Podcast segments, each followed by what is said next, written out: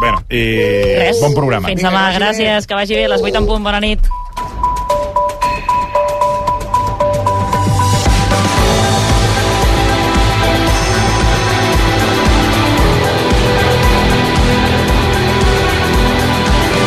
A RAC1 no ho sé, amb Anna Ballonesta.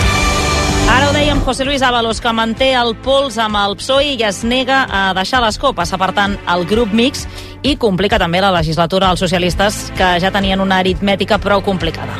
Comparezco hoy ante ustedes, como les decía, decidido a defender mi honor personal y mi reputación como diputado hasta las últimas consecuencias. Mentrestant, el PSOE ha anunciat aquesta mateixa tarda que farà una auditoria sobre el cas per treure'n tot l'entrellat. Avui, en temps de tertúlia, ara ho dèiem, entrevistarem l'expresident del País Valencià, Ximo Puig, per saber què en pensa de tot plegat. D'altra banda, demà al matí el govern també donarà el vistiplau als pressupostos després del pacte amb el PSC, uns comptes, però, que no es portaran a aprovació fins d'aquí a un parell de mesos i que encara necessiten el suport d'un altre partit. L'opció més viable són els comuns, però s'hi resisteixen pel principal punt de discòrdia, que és el Hard Rock. Cap a un quart de deu li preguntarem si hi ha opcions al portaveu al Parlament dels Comuns, David Cid. Tot plegat ho comentarem avui amb la redactora en cap de Societat a la Vanguardia, Susana Cuadrado, el redactor en cap del Nació Digital, Joan Serra, el politòleg Roger Montanyola i la directora del Tot Barcelona, Gemma Aguilera. Amb ells també parlarem d'un altre tema, del topall dels preus del lloguer. Finalment, el govern espanyol s'ha sortit amb la seva i aplicarà el mateix índex a tot l'Estat, és a dir, que la Generalitat no podrà aplicar els límits que havia establert. Per això el govern reclama a la Moncloa que rectifiqui. I estem també pendents de les protestes dels pagesos que es mantenen les properes hores, com a mínim, tant cap a França com cap a l'Aragó, representants dels agricultors que estan reunits a aquesta hora amb membres del Departament d'Agricultura. I pel que fa a la previsió del temps, demà tornarà a ser un dia ventós al sud del país, sobretot a les Terres de l'Ebre i a l'Empordà.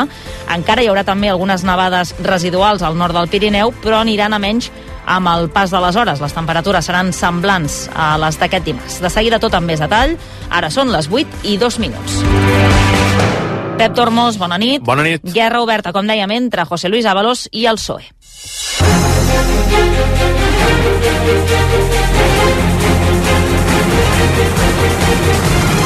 Qui va ser un dels homes forts de Pedro Sánchez, que ja no forma part del grup socialista al Congrés i l'han inscrit com a nou diputat del grup mix. A partir d'ara s'haurà doncs a la penúltima fila de l'hemicicle. Ara mateix hi ha un ple en marxa, però l'exministre se l'ha saltat. Ha fet una roda de premsa abans de les 3 de la tarda i després ha desaparegut. El cas Coldo ha tensat i ha portat al límit la relació entre Ábalos i la direcció del PSOE. Les revelacions situen el seu home de confiança, Coldo García, al centre d'una presumpta trama de corrupció per la compra de mascaretes. Ábalos perd el despatx que tenia com a president de la Comissió d'Interior i a partir d'ara ocuparà els despatxos del grup mixt. El seu sou també queda molt tocat. Com a diputat ras cobrarà 3.142 euros al mes, menys de la meitat del que cobrava fins ara. Avalos, doncs, que manté aquest pols al PSOE, que no abandona l'acte de diputat i el partit el suspèn de militància. Última hora des de Madrid, Jordi Armenteres. Sí, Avalos queda apartat, es queixa que l'han deixat tirat, que no està acusat de res i que s'ha de defensar, plegar avui seria assumir una, una culpabilitat que no té. Això és el que diu, són les explicacions que dona. No demana ni la presumpció d'innocència perquè no està imputat en lloc. Si yo renunciara, y más en este momento, una semana después, se interpretaría como un signo de culpabilidad que no asumo. Y solo provocaría mi estigmatización, no ya política, sino personal. Soy consciente, tengo ya alguna edad y sé lo que es un apestado político. i que hi ha l'honor personal i la reputació com a diputat ara ras fins a les últimes conseqüències. No entrega l'acte com li demana el PSOE i el partit de manera automàtica li ha obert un expedient i li ha suspès la militància a Pachi López. Creemos que lo que tiene que hacer es dejar el escaño, la ejecutiva del partido empezará a tramitar un expediente de, de baja cautelar como militante socialista, que es lo que habíamos dicho desde el principio. Es un día muy triste. Demà a les 9 del matí a sessió de control al Congrés hi ha una llau de preguntes sobre el cas i el paper d'Àvalos tant a Pedro Sánchez com a diversos ministres. Àvalos no ha volgut confirmar si serà i ja estrenarà el nou escó al grup mixt. I el govern espanyol, mentrestant, que intenta esveir qualsevol relació amb la presumpta trama de corrupció, de fet, el Ministeri de Transports, que és un dels esquitxats per aquesta polèmica d'Avalos, ja ha posat en marxa una auditoria. El nucli de Sánchez es desmarca clarament de l'exministre socialista. També des de Madrid, Arnau Manyer. Exacte, el govern espanyol surt al pas per ventilar qualsevol ombra de dubte. El ministre Òscar Puente assegura que tots els contractes polèmics de material sanitari van passar els filtres de control, però anuncia, tot i això, que revisarà. Que cualquier intento de enriquecimiento a través del cobro de comisiones en cualquier circunstancia, pero especialmente cuando se trata de una tragedia como la pandemia, merece reprobación y reproche. Confío en que la auditoría esclarezca todos los detalles. I sobre Ábalos admet que apartar-lo és dur personalment, però creu que el diputat socialista s'equivoca. No es coherente con toda la trayectoria de José Luis Ábalos, que ha sido un militante ejemplar, que ha sido un, y es, yo creo, un gran socialista, no es coherente esta posición con lo que, con lo que ha sido. Tot i això, des del govern espanyol donen per fet que Ábalos no va embutxacar-se ni un sol euro. Li retreuen, això sí, la seva responsabilitat política en tot plegat.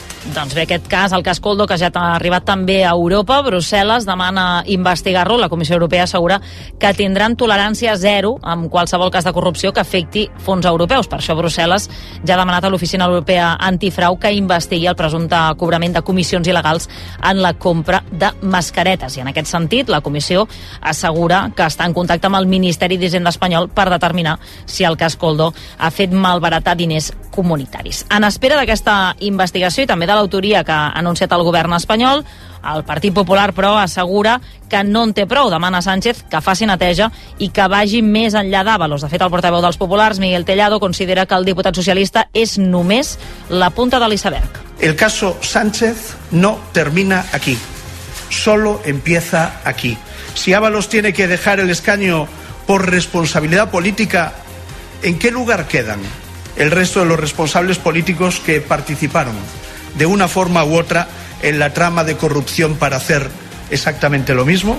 En la sessió de control de demà al Congrés, el PP preguntarà sobre el cas Coldo fins a cinc vegades a cinc membres del govern espanyol diferents. I per la seva banda, a casa nostra, Salvador Illa, líder del PSC i ministre de Sanitat durant la pandèmia, no tem que aquesta trama l'acabi esquitxant. A l'entrevista d'avui al Món RQ, Illa ha assegurat que està decebut per la situació, però tranquil i disposat a compareixer al Congrés sempre que calgui estic tranquil i a més a més també dic, mira, jo vaig compareixer 22 vegades al Congrés dels Diputats durant la pandèmia.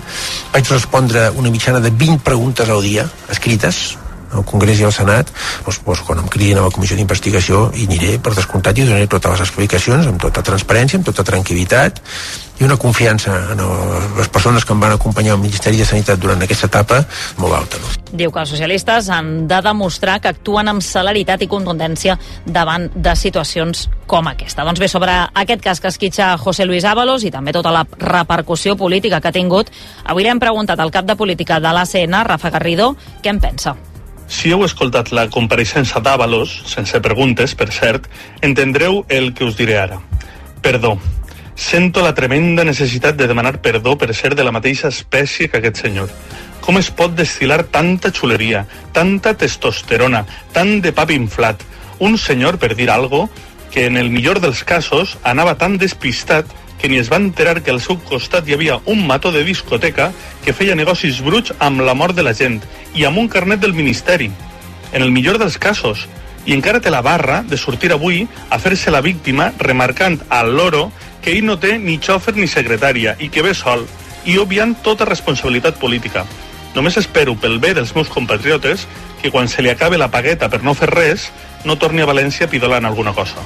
Gràcies, Rafa. I paral·lelament al cas Coldo, la Fiscalia que denuncia una altra malversació per material sanitari a les Canàries per 23 milions d'euros. El jutjat de les Palmes de Gran Canària ha admès a tràmit la querella que apunta els subministraments del Servei Autonòmic de Salut a les empreses Damco Trading Services i Tanoja Services. És la tercera causa penal que s'obre per compres de material sanitari a les Illes Canàries durant l'estat d'alarma. Les altres dues també investiguen presumptes estafes sobre mascaretes.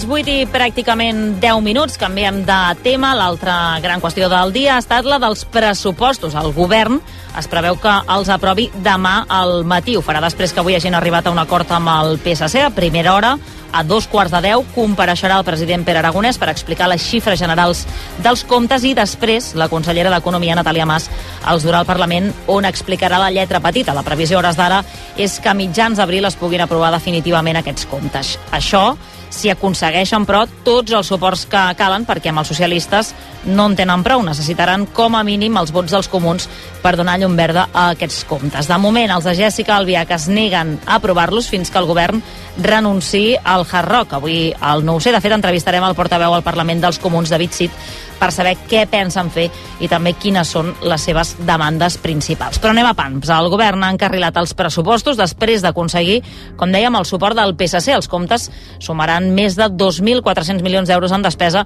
i incrementen també partides com les d'educació i salut. Adrià Santa Susagna. La despesa total es dispara més d'un 6% i el govern qualifica els comptes com els més socials de la història, més que l'any passat. Ho argumenten amb el pacte d'avui amb el PSC, que fa que partides com les d'educació arribin per primera vegada als 7.000 milions d'euros. També s'inclouen 1.000 milions per la sequera, per la recerca, 144 milions a l'atenció primària o cultura, que arriba a l'1,7% del pressupost. La vicepresidenta Laura Vilagrà i el líder del PSC, Salvador Illa, des de rac han celebrat l'acord. És un gran acord de pressupostos, és un gran pressupost per al conjunt de la ciutadania per donar respostes als reptes que ens plantegem. Ho fem pensant en Catalunya, no?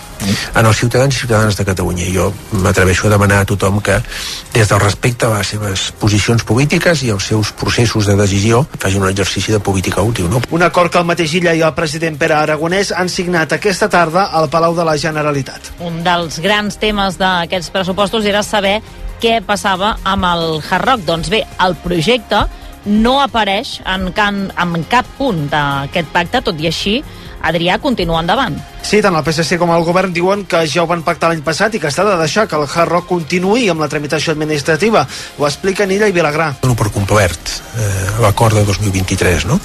Eh, és una, una, un seguiment de la tramitació, de tramitació administrativa de la que el govern haurà d'anar donant compte a cada pas. En aquest pressupost de l'any 2024 no hi ha ni un euro destinat al Hard Rock. En aquest sentit, el Hard Rock segueix la seva tramitació urbanística, ambiental i no hi ha res més afegit afegir en aquest moment, simplement el que ja hem explicat fins ara. Els socialistes diuen que el compromís d'Aragonès la setmana passada, a la sessió de control de deixar fer el projecte, els ha acabat de convèncer. Com dèiem, però, amb els vots del PSC, el govern que no en té prou per aprovar aquests pressupostos, com a mínim necessita dos vots més. Per això ara totes les mirades estan posades en els comuns, que això sí, es mantenen enrocats. Només hi votaran a favor si el govern descarta definitivament el projecte del Hard Rock, Laia Colomer. Sí, tot i haver facilitat els pressupostos dels últims anys, ara els comuns no pensen en passar-se el gripau del Hard Rock. Fa setmanes que avisen i, malgrat l'acord avui del govern amb el PSC, es mantenen ferms. Jessica Albiach insisteix a Aragonès en no tramitar el pla director urbanístic del projecte. L'acord entre el govern i el PSC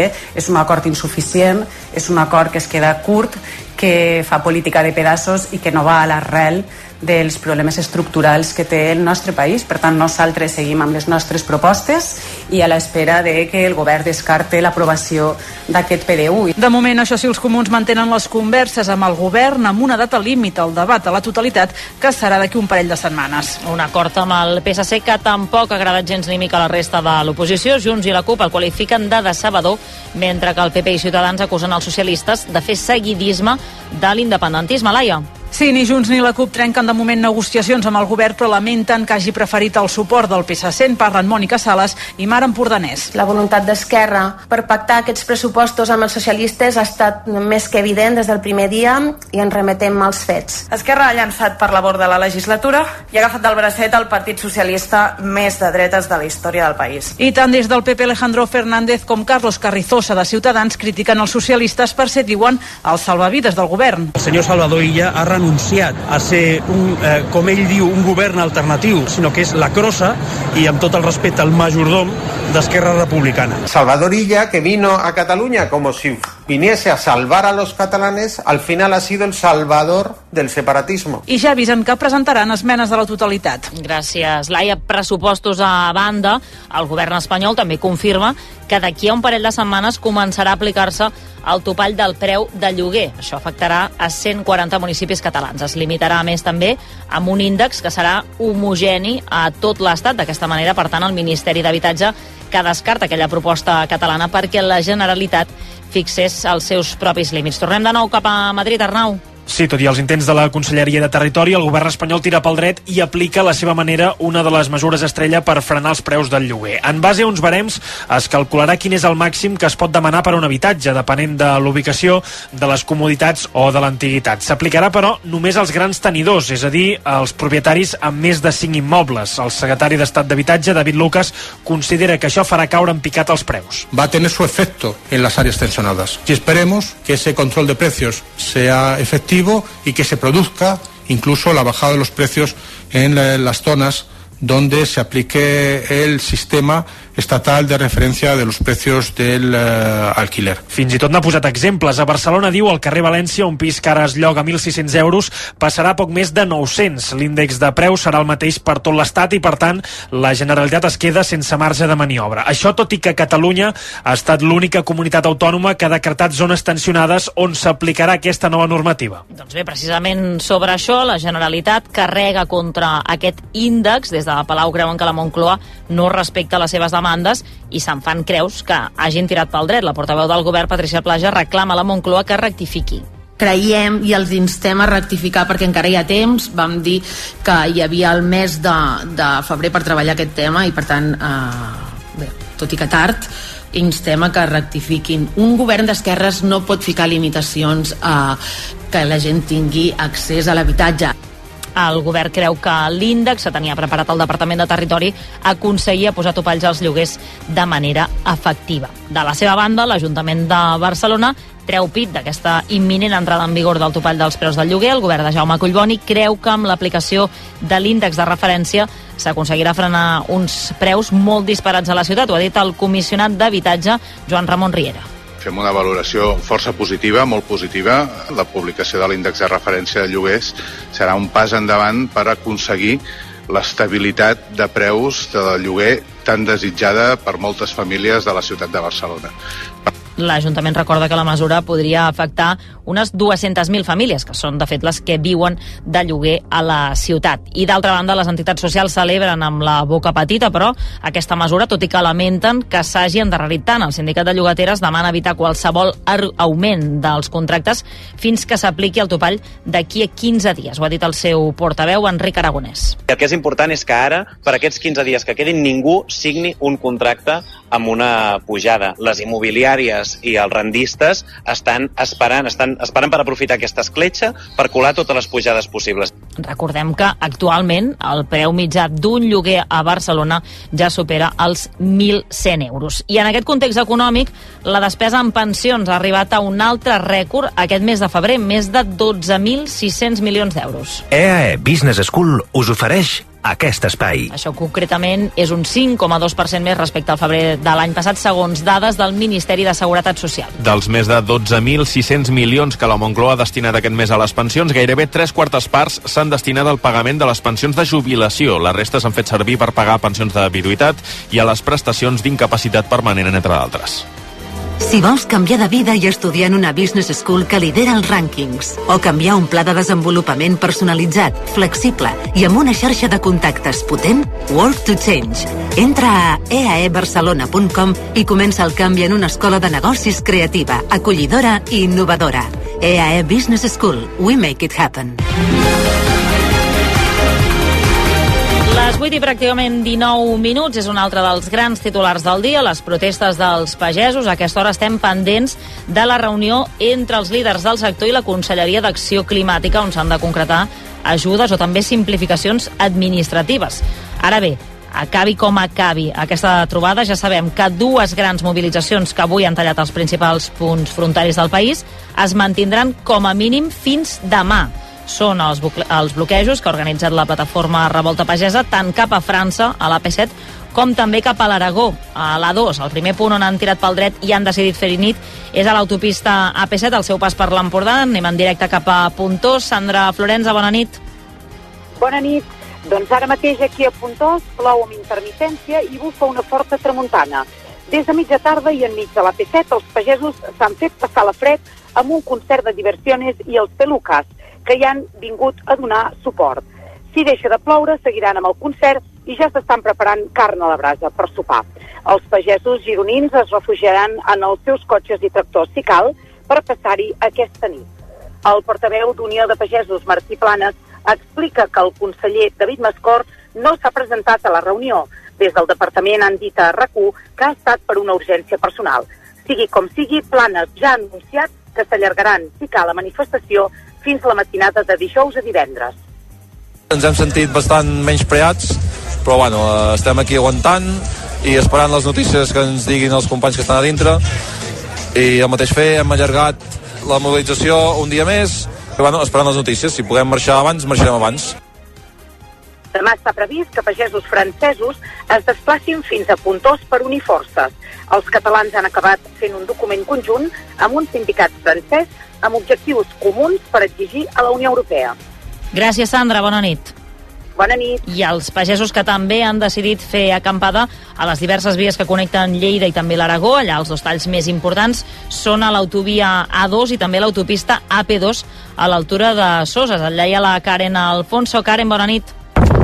Bona nit. A Lleida porten tot el dia tallant diverses carreteres, en concret a l'A2 al Carràs i a l'AP2 a Soses, on en un principi no hi podien ser, s'han aplegat uns 300 pagesos. A hores d'ara alguns ja han marxat, però els tractors es queden i els manifestants tornen, perquè han decidit fer nit a la carretera i podrien allargar la manifestació fins dijous. En parla el portaveu de Plataforma Pagesa, Jordi Darius. Seguirem els talls, eh, farem nit aquí i demà continuarem i seguirem pues, eh, els altres dos dies que teníem previstos i potser més actes que vindran més endavant. Els pagesos ja han començat a obrir focs a terra per preparar el sopar i passar aquesta nit el millor que puguin. Altres carreteres que estaran tallades seran la C14, la 22 i la N230.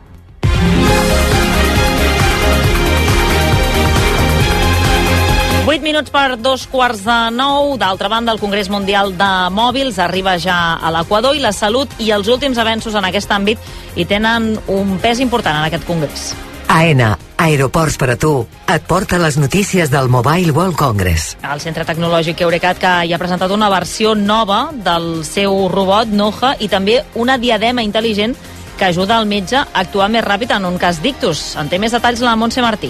No és un robot que monitoritza de forma remota diferents paràmetres de salut, també si la persona està bé anímicament i dona pautes, per exemple, per fer exercici físic. També se l'ha equipat amb intel·ligència artificial i és capaç de mantenir una conversa, ho ha explicat a rac Magí Dalmau, que és cap de la línia de robòtica cognitiva d'Eurecat. No només es queda en el diàleg, sinó que és capaç d'entendre el seu entorn i, per tant, això ho incorpora al seu procés de deliberació i en particular també és important remarcar que, que és capaç d'expressar-se físicament, al ser un agent físic, que, que llavors aquesta expressivitat física eh, vinculada diguem, amb el que està dient dona molta més naturalitat i, i un expressament molt més empàtic. I a més del robot, Eurecat hi ensenya la diadema intel·ligent que permet actuar més ràpid en un pacient que pateix un ictus, recull dades i el metge rep dades més acurades de com ha d'actuar. De moment està en període de proves i pendent també de tenir tots els permisos per poder-lo comercialitzar. A banda d'això, les marques de tecnologia mòbil que continuen també intentant posar de moda les pantalles transparents, que fins ara no han acabat de quallar. Lenovo ha presentat al Congrés un ordinador portàtil que té aquesta mena de pantalla, Víctor Endrino. Les pantalles transparents són una aposta important de les grans marques, però sembla que es resisteixen a irrompre el mercat domèstic. L'últim intent ha estat el de Lenovo, la marca xinesa d'ordinadors, que ha presentat un portàtil amb la pantalla transparent. La sensació és una mica estranya, com si estessis fent servir un ordinador de metacrilat, perquè el teclat és del mateix material. I seguint en l'àmbit de les pantalles disruptives, una altra empresa ha presentat un invent revolucionari anomenat Displays TV, una pantalla de 55 polzades sense cap mena de cable connectat, ni tan sols el de la corrent, i funciona amb dues bateries que poden durar setmanes i es pot acoplar a qualsevol paret amb un sistema de ventoses especial i, segons els seus responsables, totalment segur. Té literalment un sistema d'aterratge per si detecta una anomalia. Pot estar enganxada a la paret entre 3 i 10 mesos i encara que li passi alguna cosa, el televisor no es trencarà perquè és com si tingués un airbag instal·lat. La pantalla estarà disponible a partir de l'estiu als Estats Units per 4.500 dòlars. Me comunican que el aeropuerto ha desaparecido. Hay que cubrir el colapso de los transportes, ¿vale? ¿Y si cubrimos la crisis de abastecimiento? Oiga, ¿cómo que no hay aeropuerto? Que no hay aeropuerto, caballero. T'imagines un dia sense aeroports? Descobreixo a undiasenseaeroports.com. AENA. Aeroports para tu. Gobierno de España, Ministerio de Transportes y Movilidad Sostenible. Que parlàvem precisament del Mobile, una de les empreses que hi és aquests dies és Meta, doncs bé, justament avui hem sabut que un jutge de Barcelona investigarà una empresa vinculada a la matriu de Facebook. És la primera causa penal que s'obre a Europa contra una de les companyies subcontractades que Mark Zuckerberg té a Catalunya. La justícia investiga l'empresa CCC Digital Services, que té les oficines a la Torre Glòries, pels trastorns mentals que tenen els moderadors de les xarxes socials per totes les atrocitats que arriben a veure. Aquesta primera querella l'ha interposat un treballador que s'encarrega de filtrar els vídeos que els usuaris pengen a Facebook i a Instagram i actualment té problemes psiquiàtrics. L'empresa té uns 2.000 treballadors, dels quals entre un 20 i un 25% estan de baixa. Ara el jutge citarà tant el denunciant com els responsables de l'empresa per interrogar-los. I a tot això, Educació investiga l'Institut de l'Ebre de Tortosa per uns convenis de pràctiques irregulars i també per una comptabilitat anònim, anòmala. És l'institut més gran del sud de Catalunya i en alguns dels casos els estudiants signaven convenis amb empreses que no arribaven a trepitjar mai, Joel Penya. Són entre 5 i 6 estudiants per cada curs que en lloc de pràctiques van treballar de personal de manteniment del centre. Cobraven xecs que a la comptabilitat constaven com a factures a proveïdors diversos. Educació ja ha demanat cessar les pràctiques que els alumnes estiguin fent al mateix institut i en paral·lel estudia quines mesures prendre. L'alcalde de la ciutat, Jordi Jordan, ha demanat celeritat. El propi bé del mateix centre, estem parlant d'un dels instituts més importants de Catalunya, en més de 1.500 alumnes, se puguen esclarir els fets i, per tant, també el que hem traslladat a Educació és que actue el més ràpid possible per a que s'acabe esclarint tot el que ha passat i que, per tant, passa pàgina d'este fet i tornar a la normalitat. D'altra banda, segons l'Agència Catalana de Notícies, hi ha una segona investigació oberta, en aquest cas policial, a un professor per una presumpta suplantació d'identitat. L'home hauria fet servir el compte d'un professor substitut sense el seu permís. 4 minuts per dos quarts de nou, el Departament d'Interior formarà el personal de ferrocarrils perquè pugui actuar en situacions de violència sexual. Seran cursos que arribaran a uns 900 professionals. La iniciativa forma part d'una campanya que posa precisament el focus en els agressors. S'aplicarà en un àmbit, el del transport públic, i és on es cometen prop del 8% de les agressions sexuals. La campanya porta per nom És delicte i vol ajudar a intervenir i, per tant, evitar possibles casos de violència sexual al transport públic. A més de la formació del personal de ferrocarrils, també es posaran cartells dins dels trens i a les estacions. N'ha parlat el conseller d'Interior, Joan Ignasi Helena. Protegir a la víctima i perseguir a l'agressor. I el missatge és clar. Anem a pels agressors. Perquè la societat no es pot permetre que les dones visquin amb por. I el que surten de les enquestes és inacceptable. Segons dades de l'enquesta de violència masclista a Catalunya, el transport públic és el tercer àmbit, més enllà de la parella, on es cometen més violències sexuals, només per darrere de l'oci i els espais públics. I encara sobre aquest àmbit, tres dones més acusen el cineasta madrileny Carlos Bermud de violència masclista. És el director de pel·lícules com Antícora i Magical Girl i el 2014 es van dur la Conxa d'Or al Festival de Sant Sebastià. Segons explica el País, aquests testimonis se sumen als de les tres altres dones que també van denunciar casos de violència masclista per part del director. En aquest cas, les víctimes serien un artista, una gestora cultural i una actriu. Segons el relat de les dones, va passar entre l'octubre del 2012 i aquest gener. En tots tres casos, Bermud les va obligar a mantenir-hi relacions sexuals violentes sense consentiment. Cap d'elles ha volgut identificar-se ni tampoc van denunciar el cas abans per por a represàlies professionals. I també a Madrid la policia ha detingut dos influencers per agredir sexualment cinc menors d'edat. Els dos nois es fan dir Los Petacetas a les xarxes socials i entre TikTok i Instagram tenen més de 70.000 seguidors. Feien servir la seva popularitat per captar les víctimes i les feien anar a casa d'un d'ells, a Vallecas. Allà les incitaven a fer jocs amb èxtasi líquid per anul·lar la seva voluntat. Llavors, quan les menors estaven sota els efectes de les drogues, aprofitaven per agredir-les i enregistraven l'escena amb mòbils i càmeres de seguretat. De moment, els investigadors no tenen constància que arribessin a compartir les imatges. I encara en crònica judicial, l'Audiència de Barcelona jutjarà demà el raper Morat per suposadament haver atemptat contra agents de la policia local de l'Hospitalet de Llobregat. Va ser durant el rodatge d'un videoclip al qual el cantant no tenia permís i davant les queixes dels veïns. La Fiscalia li demana una pena de 7 anys de presó.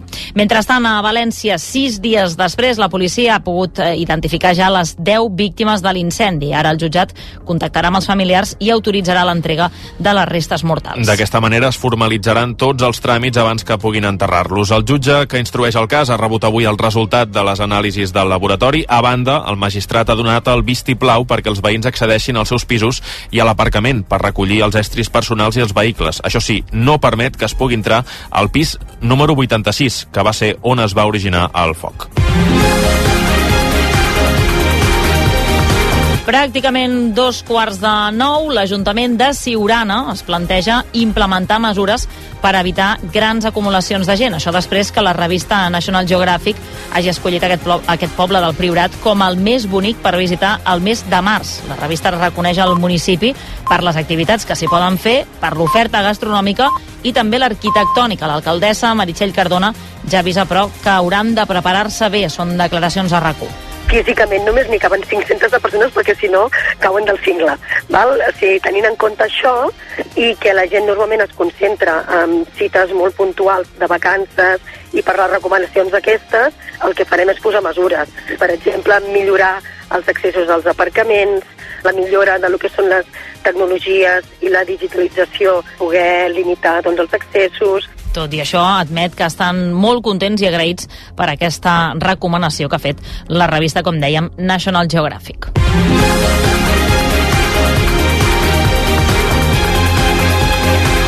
I en cinema, Mary Poppins ja no és una pel·lícula apta per tots els públics al Regne Unit.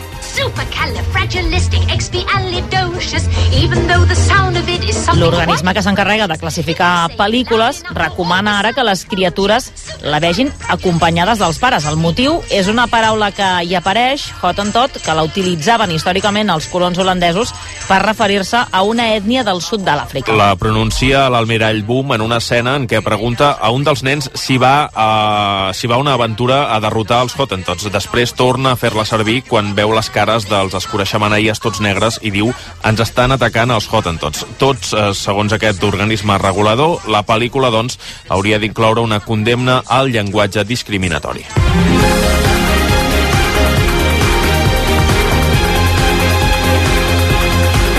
32 minuts, el Born Centre de Cultura i Memòria s'integrarà a la xarxa de museus d'història de Barcelona i passarà a dir-se el Born MUCBA. La nova proposta mantindrà l'itinerari per la ciutat del 1714, però també posarà el focus en l'època romana i fins l'exposició universal del 1888. Maria Cusó. Així és, a partir del setembre els visitants que entrin al Born trobaran tres grans espais. Un primer dedicat a la ciutat que surt de la fosca d'edat un segon que explica el sotrac de 1714 i un tercer que va des de la Revolució Industrial a l'Exposició Universal de 1888, passant pel Pla Cerdà i els canvis que això va comportar a Barcelona. En total, 8.000 metres quadrats que expliquen una etapa llarga de la història de la ciutat que fins ara no tenia altaveu. Un canvi radical de discurs que, malgrat tot, no vol ser un trencament amb la feina feta fins ara. Ho explicava el regidor de Cultura i Indústries Creatives, Joan Mercè. No hi ha amb això cap voluntat de canviar el signe de la política municipal respecte als problemes de memòria el que sí que hi ha és una clara voluntat d'acabar aquest perfil que en aquests moments eh, hem definit amb el model MUVA i que ens sembla que aquest espai li otorga unes possibilitats immenses. Els primers canvis al Born es posaran en marxa per la Mercè.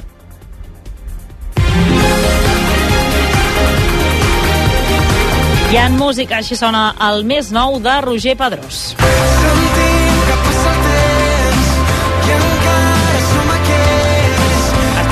El lloc i és un dels temes que formaran part del disc A Contrallum, que es publicarà el 19 de març. I ja sabem qui seran els caps de cartell del Ressons Penedès. Hi haurà Detallets... I ens van passar el concert plorant. Olivia, quin moment tan bonic i estrany. També la Muixca. Esborricat tota l'estona Que echas está Haurà la Pegatina, la Villa Russa, actuaran els dies 3, 4 i 5 de maig a la zona esportiva de Vilafranca del Penedès. També hi seran Cris Joanico, David Caravent, Gemma Humet, Ferran Palau i Joan Garriga, entre d'altres. Les entrades ja estan a la venda. 8 i 34 minuts, moment pels esports, amb l'Oriol Jové. Oriol, bona nit. Hola, bona nit. Geni Hermoso, que ha fet aquesta tarda la primera compareixença pública davant dels mitjans després de tot l'escàndol pel petó que li va fer Luis Rubiales a l'estiu, just després que guanyés el Mundial de Futbol amb la selecció espanyola. Sí, fa ja sis eh, mesos, sis mesos que Hermoso ha dit que han estat molt llargs i molt durs i ha assegurat que no la va ajudar gens quedar fora de la primera convocatòria després del Mundial. En aquell moment eh, es va argumentar que per protegir-la. Nunca lo entendí, nunca lo entenderé, es algo que pues que sí que me, que me dolió, me sigue doliendo y se me va a quedar ahí, pero para mí es algo que ya, que ya pasó. Sigo estando aquí, sigo defendiendo este escudo, defendiendo esta selección y para mí lo más importante es que mañana pueda conseguir otro título con, con esta camiseta.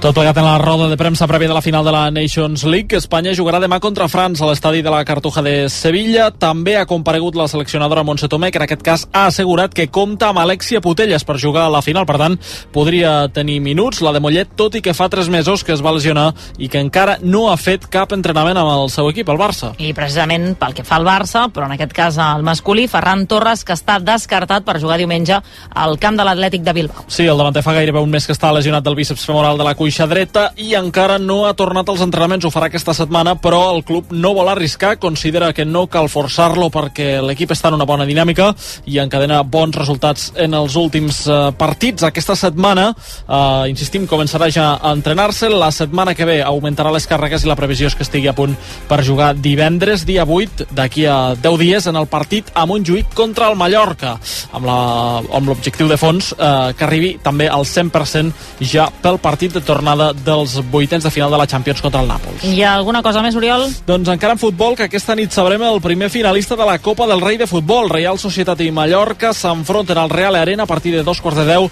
amb l'eliminatòria totalment oberta. Després del 0-0 del partit d'anada, qui guanyi lluitarà pel títol contra el guanyador de l'altra semifinal, que es decidirà dijous entre l'Atlètic de Bilbao i l'Atlètic de Madrid. I en ciclisme, avui s'ha confirmat que Sepp Kuss correrà la Volta a Catalunya i, per tant, el vigent guanyador de la Volta a Espanya serà el cap de cartell de la cursa que es disputarà a mitjans del mes que ve. Gràcies, Oriol, que vagi bé, bona nit. Bona nit.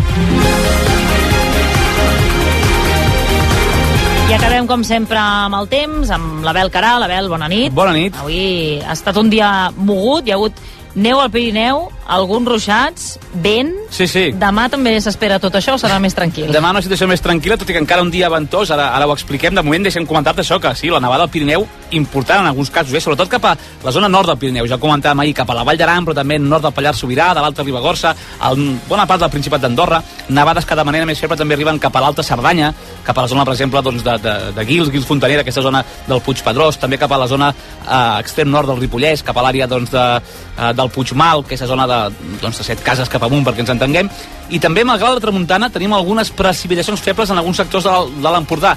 Moltes vegades es diu que en tramuntana eh, no plou, doncs a vegades sí, i avui s'està s'està donant... L'excepció. És l'excepció. Avui s'està donant aquest cas, aquest fenomen poc habitual, perquè a tramuntana normalment el que fa és escampar, escampar la boira, diguéssim, escampar els núvols i portar poc, poca humitat. També he tingut alguns ruixats, aquí i allà, no com ahir, no tan forts, eh, de poca estona, de, de poca durada i poc importants, en sectors del Vallès, del Maresme, eh, de la Noia, mm, del Maresme també, si ja ho hem dit, eh, alguns sectors del nord del Camp de Tarragona, alguna àrea de Ponent, poc importants, però bé, una mica de moviment, aquests cels, ja ho dèiem també ahir, de, de primavera més aviat.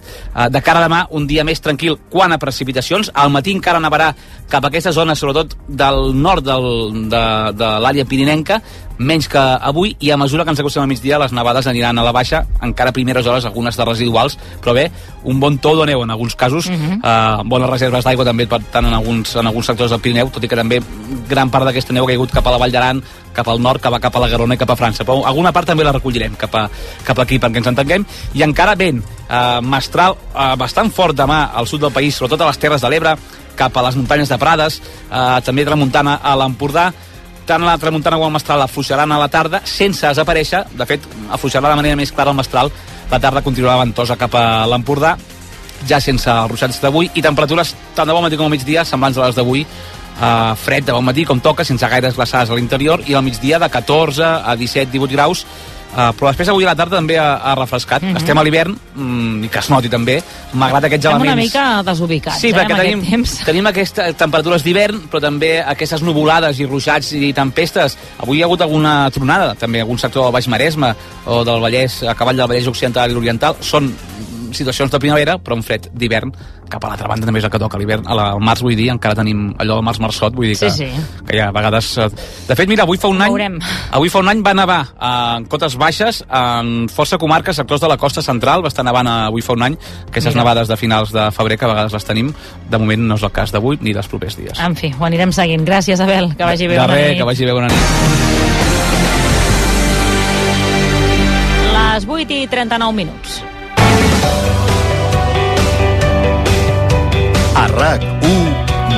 Sé, amb Anna Ballonesta.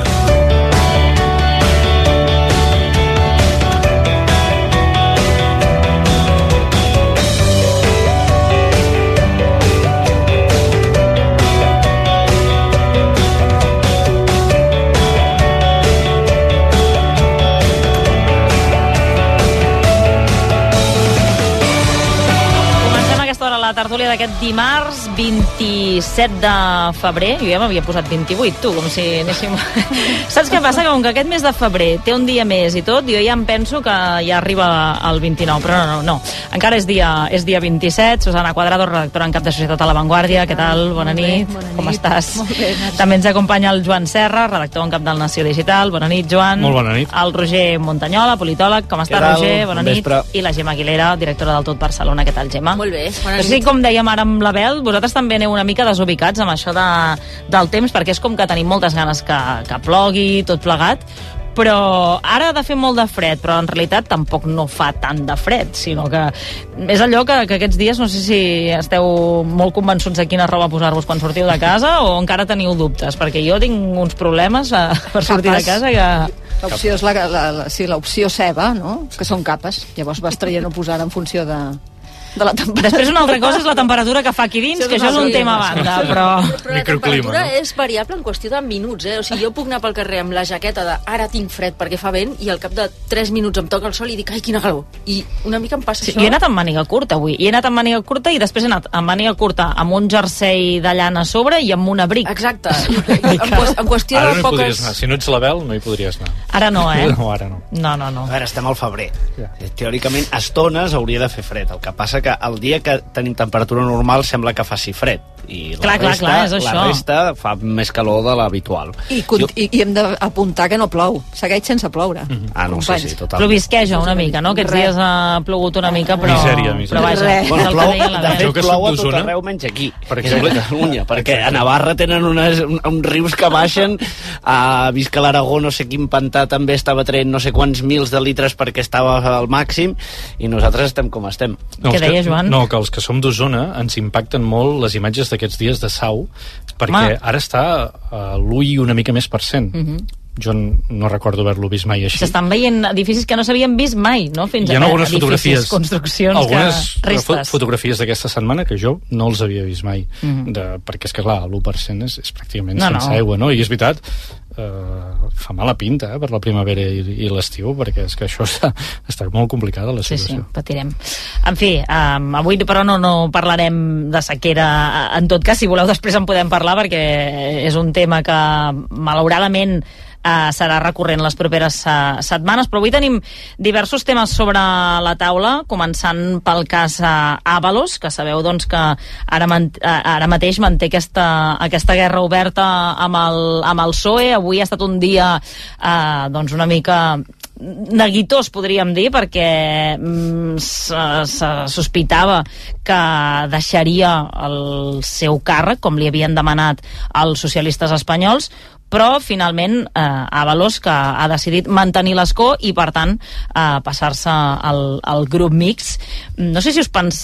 vosaltres us imaginàveu que aquesta seria la, la decisió de- d'Avalos a primera hora d'aquest matí després que ahir també eh, dimitís amb aquest càrrec que tenia com a president de- d'una de, les comissions a, al Congrés que el proper pas fos dir doncs eh, em quedo amb el meu escó i passo al grup mixt Home, el to de la seva compareixença ha estat inquietant inquietant per la cúpula socialista això segur, no? perquè quan penses en algú que ha acompanyat tant en el viatge a Pedro Sánchez i que més tenia responsabilitats de secretari d'organització i, i en Roger ja sap què vol dir aquesta figura en un partit polític o Fontaner, cap del regne. Exacte, i amb molta informació. No? És algú que aglutina molta informació, el secretari d'organització.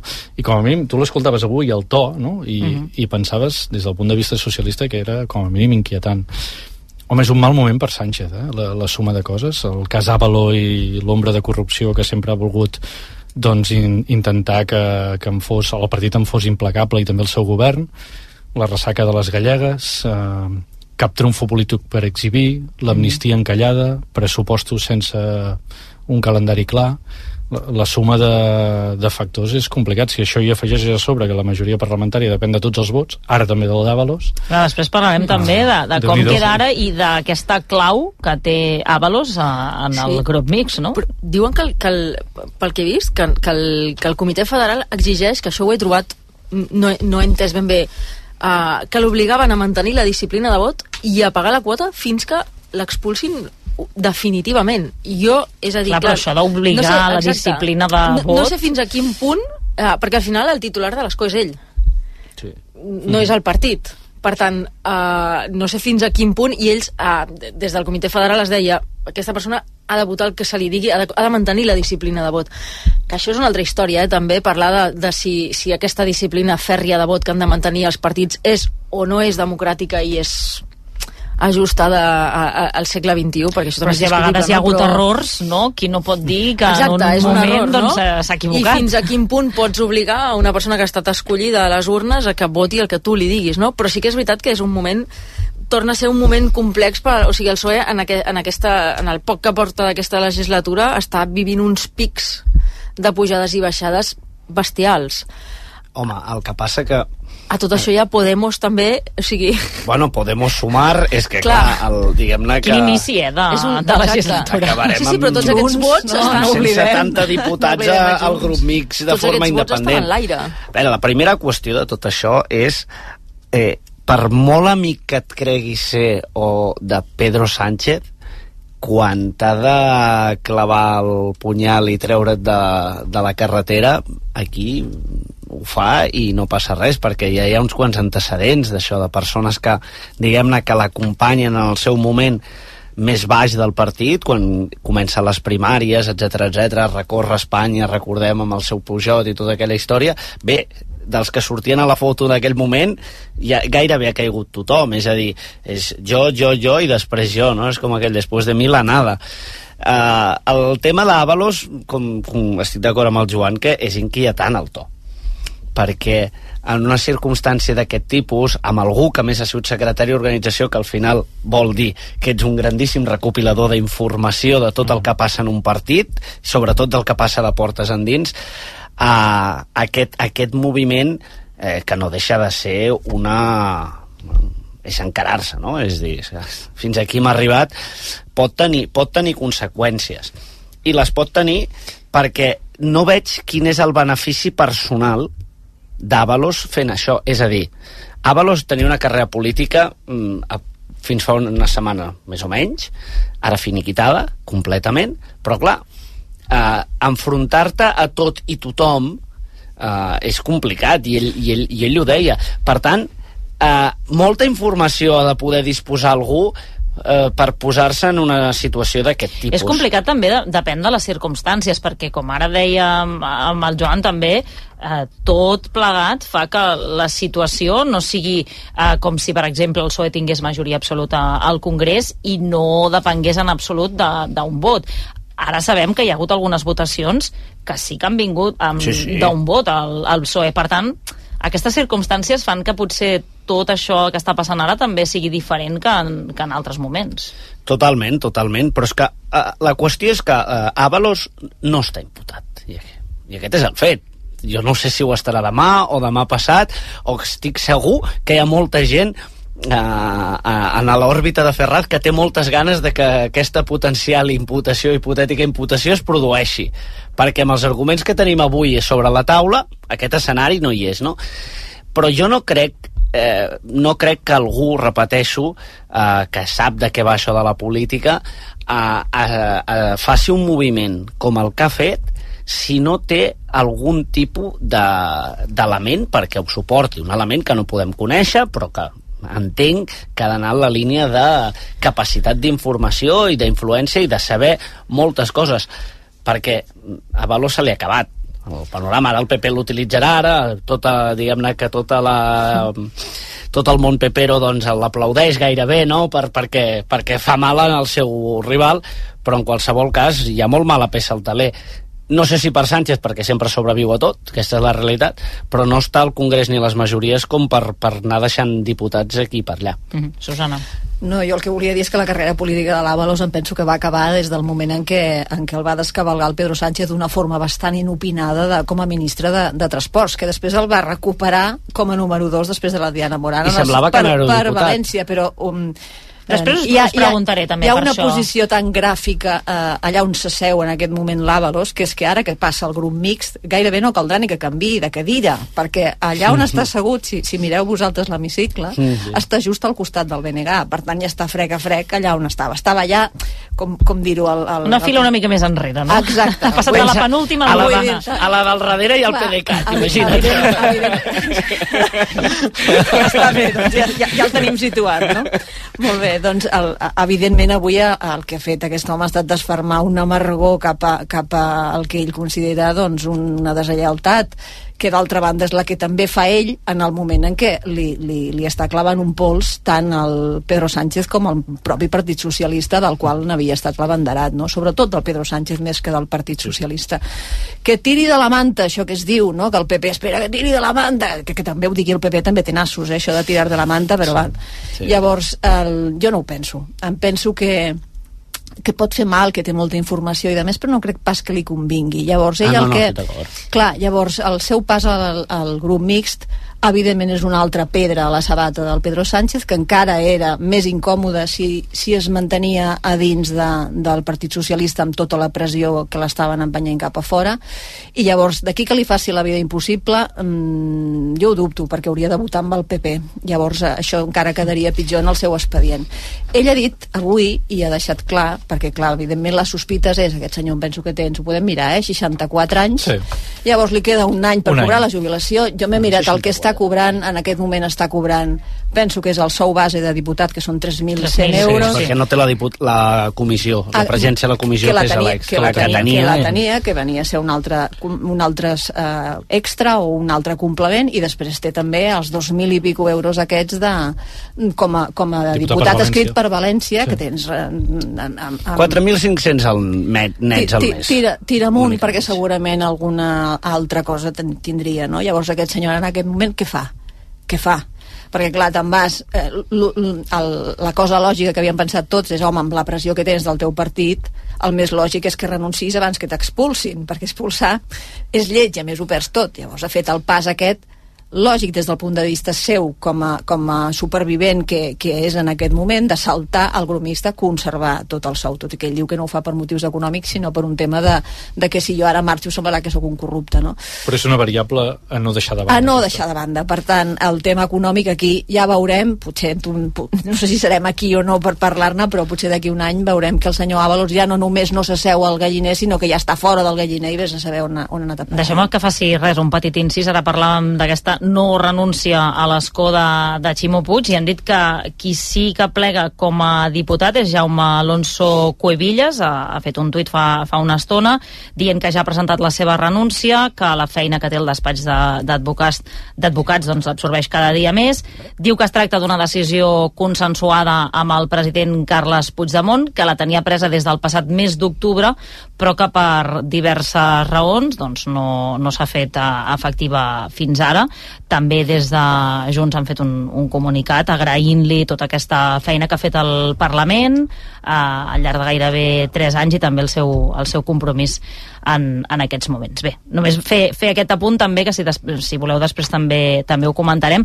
Però sobre el cas Avalos, um, clar, portem tots aquests dies parlant d'ell, segurament eh, molta gent va saber qui era quan va ser ministre, però li hem demanat al delegat de la Vanguardia al País Valencià, el Salvador Anguix, que ens faci una mica de, de perfil per conèixer millor qui és eh, José Luis Ábalos. És això el primer que li han preguntat. És un polític valencià de llarga trajectòria, eh, va estar pràcticament des dels principis del PSP de València i eh, durant eh, més de tres dècades, quasi quatre, ha anat ocupant diferents responsabilitats al partit i a institucions valencianes fins que va donar el salt a Madrid. Avalos fins i tot va tenir eh, un gran poder orgànic al PSDB que li va permetre aspirar a la Secretaria General del PSPB al Congrés de l'any 2000, que va perdre front a Joan Ignasi Pla per molts pocs vots. I a més, encara que no va guanyar aquest congrés, ha sigut un home que ha estat capaç de decantar eh, qui podia o qui no podia liderar el PSPB. Els avalistes, que és el nom de la seva família política, a més a més, han ocupat càrrecs tant a les Corts Valencianes, a diferents ajuntaments, especialment a la província de València, eh, que és una província que, a més, que fins fa no molts anys estava liderada com a secretari general per, per gent de confiança de José Luis Ábalos li hem demanat aquesta ubicació eh, inicial. Aquests dies també hem, hem sabut aquesta relació amb, amb Coldo García, que és una altra persona de la qual molts n'hem descobert eh, el nom aquests, eh, aquests últims dies. Ell era guarda de seguretat abans de dedicar-se a la política, però Ábalos eh, no sabem si sempre hi havia estat o no vinculat. Ell s'ha dedicat a la política pràcticament tota la vida. De fet, sent jove, va formar part del Partit Comunista els anys 70 i ràpidament, quan va començar a consolidar-se la transició, va passar ja a formar part de les files del PSPB. És un home que sempre, sempre està lligat a la vida política. També li hem preguntat amb quants anys va entrar al PSOE i què hi feia eh, exactament quan va començar a formar part del partit. Bueno, ell va entrar molt jove, jo crec que tindria al voltant de 24-25 anys quan va entrar al PSPB, formava part d'una generació de polítics valencians que van conformar el canvi polític al País Valencià i des del principi va estar membre del PSPB com a regidor de l'Ajuntament de València, va estar molts anys, va ser diputat a les Corts Valencianes, fins que ja posteriorment, ja eh, anys després, va donar el salt a Madrid, especialment va ser la peça clau que va mobilitzar a, a les bases del PSOE per ajudar a que Pedro Sánchez recuperés la Secretaria General del PSOE eh, després de ser, diguem-ne, apartat pel famós aquell comitè federal que va votar contra Pedro Sánchez. És a dir, sense José Luis Ábalos és molt difícil entendre que Pedro Sánchez tingués el suport de cara a la militància per aconseguir eh, tornar a ser secretari general del PSOE. Eixa és la prova de que després Pedro Sánchez el va convertir en peça fonamental del seu govern com a ministre de Foment i en número dos del partit com a secretari d'organització del PSOE. Ara el, el Salvador Guix que ens parlava d'aquest salt que fa Ábalos en un moment determinat cap a Madrid i aquí és quan ell doncs, eh, se'n va cap allà. Això va ser el 2017, quan Sánchez recupera la secretaria general, ella eh, també forma part de les llistes al Congrés, eh, guanya la plaça de diputat i després ja sabeu tots que va ser el famós ministre de Foment, era el, diguem, era l'home fort de, de Sánchez i el, i el posa també de secretari d'organització del PSOE, és a dir, el número 2, la persona de màxima confiança de Sánchez com a eh, persona que gestionava el PSOE des del 2017. És a dir, estem parlant d'una persona que va passar de ser una, un polític perifèric a convertir-se en una peça central del socialisme espanyol.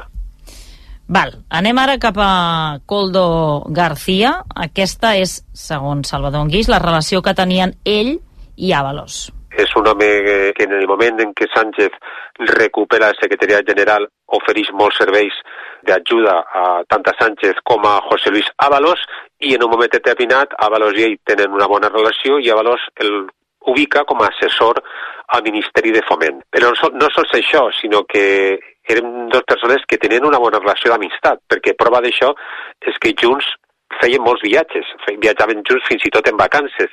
Ara és quan ha sortit la sospita de corrupció de Coldo, però fins a aquest moment eh, ningú havia sospitat que podia arribar així. El que era evident és que la relació entre Avalos i Coldo era una relació molt estreta, era una relació de molta confiança, de molta complicitat. De fet, per València havia vingut moltes vegades José Luis Avalos amb ell. Doncs aquí aquesta, aquesta relació que tenien tots dos i acabem amb la pregunta que ve derivada de, del que ha passat avui, per què no ha volgut deixar l'escó Avalos? Doncs això és el que creu el Salvador Anguix, que coneix molt bé la seva figura. Avalos és una persona que té una personalitat eh, molt rocosa, és una persona molt dura. Eh, prova d'això és que si no no s'explica, és que el coneguem, jo conec des de fa 35 anys, i no m'ha sorprès, per exemple, que Avalos hagi decidit anar al grup mixt i no deixar el seu, el seu escó. No? Eh, per què fa això? Perquè és una persona, eh, de veritat, que té una gran capacitat per a suportar la pressió. La, ho ha demostrat al llarg de la seva vida.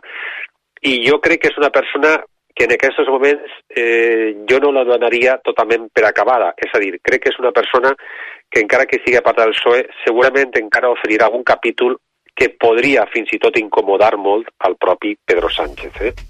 Doncs aquesta és la previsió que, que ens fa el, el Salvador. Aquí, clar, el tema és si vol eh, morir matant o, o vol sobreviure fins al final de, del mandat eh, com pugui. El que sí és veritat és que molta informació en té, en té, o sigui, i que pot fer pot fer pagar car al Pedro Sánchez el fet de que l'hagi empès en aquest moment i, i aquest vot que tant necessitarà Pedro Sánchez per aprovar eh, des de totes les lleis que té en aquest moment i salvar el mandat, els pressupostos i la, fins i tot la legislatura, doncs eh, li farà pagar car l'Àvalo, segurament, sí. Mm -hmm. I, I el, anava a dir alguna, algun comentari més sobre això que ens explicava ara el